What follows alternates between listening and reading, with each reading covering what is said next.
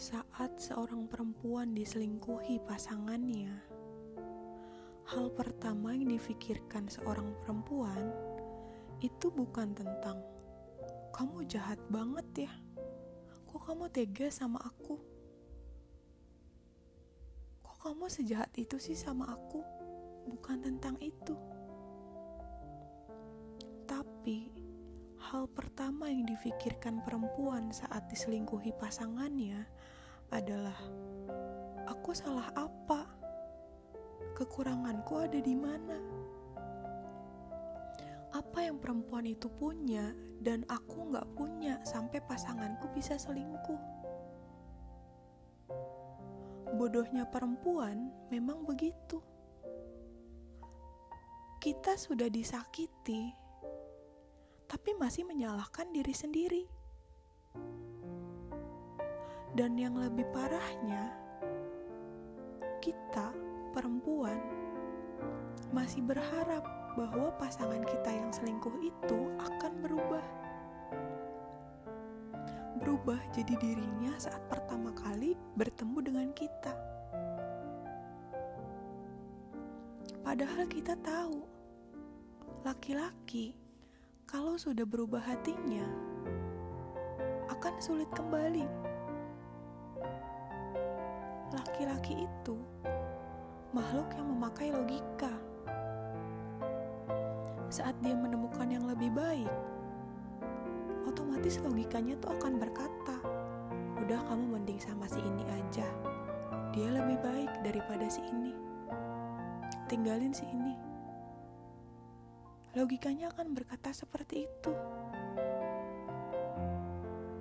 Jadi, Jangan berharap dia akan berubah, karena percuma.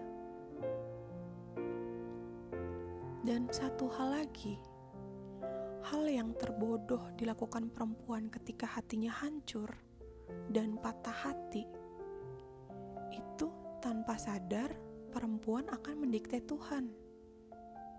Bagaimana cara perempuan mendikte Tuhan saat patah hati? Mendiktenya lewat doa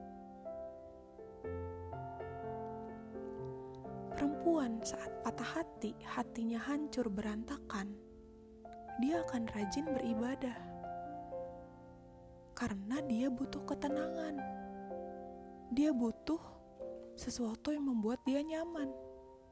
Salah satunya dengan beribadah.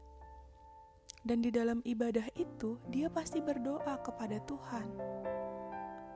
Ya Allah, aku mau dia aja ya Allah kembalikan lagi hatinya seperti dulu. Aku gak bisa hidup tanpa dia. Aku sayang banget sama dia ya Allah. Engkau maha membolak-balikan hati manusia. Tolong balikan hatinya kembali seperti dulu. Doa itu gak salah kita berdoa. Tapi isi doanya salah.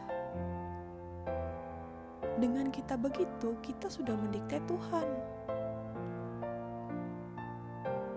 Kita mau apa yang kita mau, nggak bukan yang terbaik.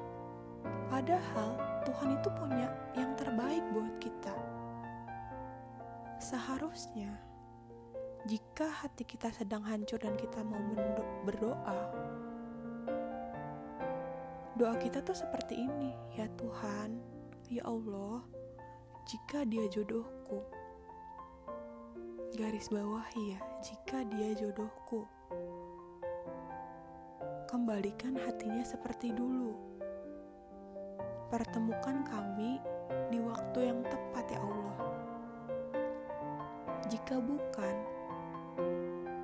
maka aku yakin kau sudah menyiapkan yang terbaik. Seperti itu doa yang harus kita lafazkan.